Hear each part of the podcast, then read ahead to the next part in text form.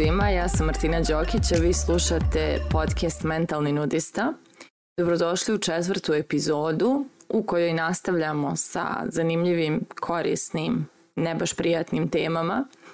I feedback na prve, prve tri epizode je bio odličan, dosta ste se javljali da mi prenesete svoje utiske, pa nastavljamo onda u tom maniru sa temama koje su onako potrebne, bitne, hot, hot topics što se kaže. I ova epizoda posvećena je tome koliko nas stres čini glupima, odnosno manje inteligentnima i koliko i zašto stres doprinosi tome da mi donosimo manje inteligentne odluke. E, s obzirom da smo malo načeli tu temu stresa produktivnosti i lične vrijednosti i svega uvezanog u prethodne tri epizode, nastavit ćemo da produbljujemo stvari u tom pravcu. Pa hajde da malo razmotrimo to šta se zapravo desilo u 21. vijeku i zašto i kako su ljudi došli do zaključka da je stres sasvim normalan dio života. Evo ja se i dalje pitam. Jer verovali ili ne, po našoj biologiji to nije normalan dio života i mi nismo biološki građeni ni predviđeni da imamo konstantno stresove na dnevnom nivou. Ne znam kako i ne znam kojim putevima, ljudi su potpuno prihvatili tu ideju da je sasvim normalno da su u stresu, pa čak je to postalo i neki znak truda, rada, uspjeha, kao danas sam imao mnogo stresa, danas sam se baš iscimao ili šta ja znam kako već, ali u suštini ljudi su počeli to da predstavljaju kao neki ultimativni dokaz toga da su stvarno nešto korisno uradili. Jer ako nije stresno, ako je prelagano, onda nismo se dovoljno potrudili, jeli? E, tu je opet još jedna klopka kao i ona sa produktivnošću, a to je da zapravo e, baš zato što nismo biološki građani da budemo u stresu, mi kada smo u stresu nismo baš pretjerano inteligentna bića. I pozadina svega toga je u tome što šta se dešava kada mi uđemo u stres, nas puca adrenalin. A čemu adrenalin služi? Adrenalin služi da nam obezbidi fizičku snagu, ne mentalnu. I mi uglavnom kada, uh, kada nas opali velika količina adrenalina, uh, ona je u nekoj preistoriji, ali kad je čovjek živio u šumi bio suočen sa mogućnošću da ga pojede neka, neka životinja koja je krvoločna, tada je adrenalin služio da čovjek može brzo da pobjegne od te životinje, da se brzo popne na drvo, da se brzo negdje sakrije, u svakom slučaju da sačuva svoj život i da bi to uspio, jeli, bila je neophodna fizička snaga. I upravo to je osnovna ideja za stres, za našu biologiju i mi smo predviđeni da budemo u takvom stresu jednom mjesečno bukvalno, a ne dnevno 12 puta. Tako da ono što se zaista dešava kada se nađemo u stanju stresa jeste da mi e, ulazimo u stanje u kojem ve, veći dio energije odlazi iz našeg uma, naša glava ne biva više tako bistra i zapravo naš um nije više tako britak, a za sve one koji se oslanjaju na svoj lični osjećaj, ni osjećaj više nije tako lako dostupan zato što nas je pukao adrenalin i mi pronalazimo način da preživimo situaciju koja se dešava.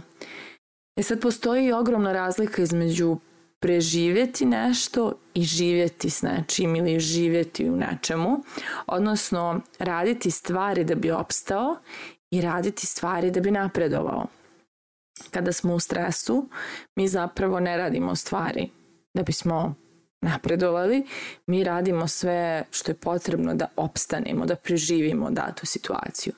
I s tim u vezi, te odluke koje donosimo su bukvalno odluke pune kompromisa, pune, pune stresa, obojene strahom i to su odluke koje nisu najpametnije i najbistrije donesene odluke koliko, uh, koliko je to u suštini zastupljeno, uh, govori činjenica da smo mi ubačeni u neku mašinu, da stalno i konstantno budemo u stresu, da trčimo na sve strane, da smo u drami, da, da prosto ovaj mail je stres, onaj mail je stres, ovaj razgovor, ovaj klijent, onaj šef, ovaj kolega, znači stalno je nešto i neko su izvor stresa, a samim tim mi smo stalno pod udarom adrenalina i stalno smo u borbi da preživimo taj trenutak, taj dan, tu situaciju.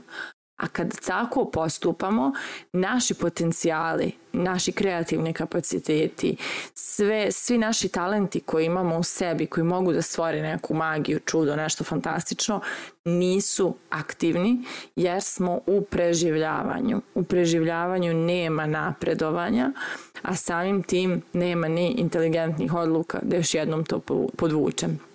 Tako da, kada se nađete u stanju stresa, šta je najbolje uraditi. Evo ja ću reći šta ja radim. Mislim, meni je trebalo dosta vremena da se negdje tu saberem, pošto sam ja živjela u nekoj ideji života koji je tako uh, grub i, i, i kako što se izrazim, zahtjevan prema meni. I onda su mi stresovi bili najlogičnija i najnormalnija stvar. Mislim, znate kako ja sam dijete odrasla u ratu, mislim, stres, stres je kao osnovni fiks s kojim sam živjela.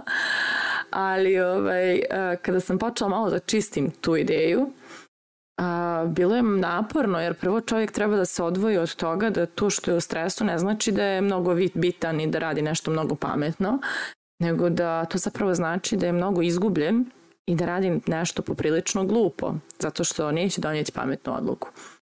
Drugo što mi je trebalo vremena je da naučim da nije stanje toliko opsadno i da to što se dešava nije smrtna opasnost, jer nama hormoni toliko podivljaju kad smo u stresu da smo mi potpuno uvjereni da prolazimo kroz smrtnu opasnost i onda tako krenemo i da dišemo i da imamo ono, znati sami onaj osjećaj haosa u organizmu, u emocijama i u svemu.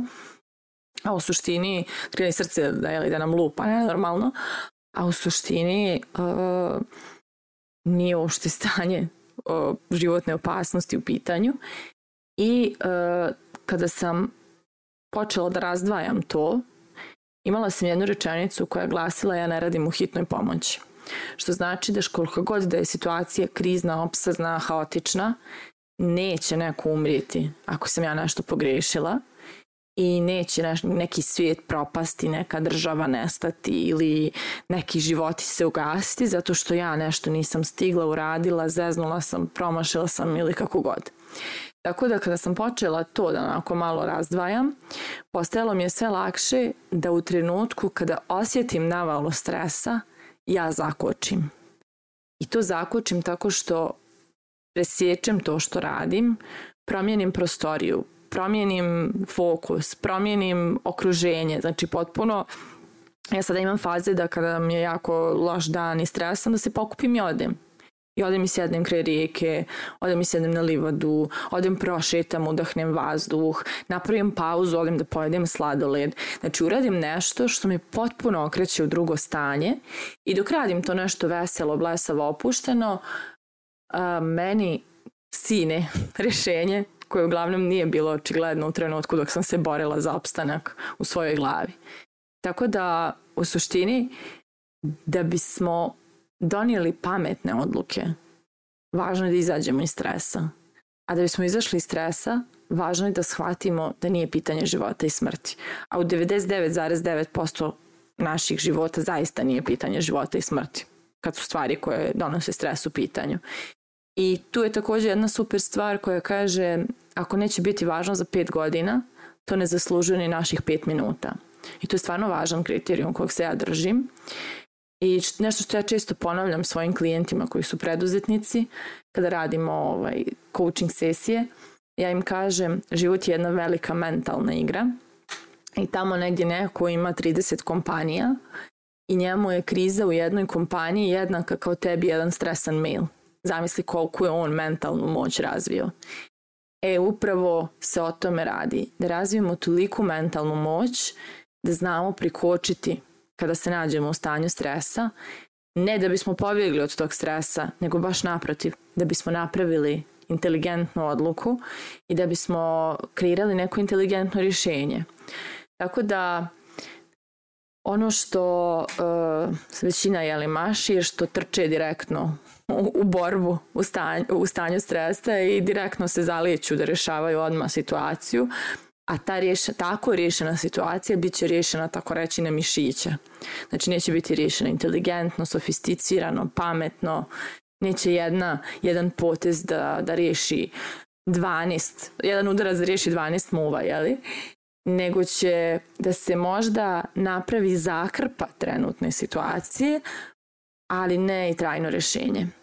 Tako da a, ključ kod rešavanja situacija je izaći iz stresa, odnosno prekinuti stanje stresa, izdvojiti se, udaljiti se, zaustaviti se, fizički otići odatle, uraditi neku drugu stvar koja umiruje, koja uzemljuje, koja donosi mirni mozak, mirni um, spušta adrenalin, smanjuje nivo kortizola i tako dalje i onda donijeti odluku.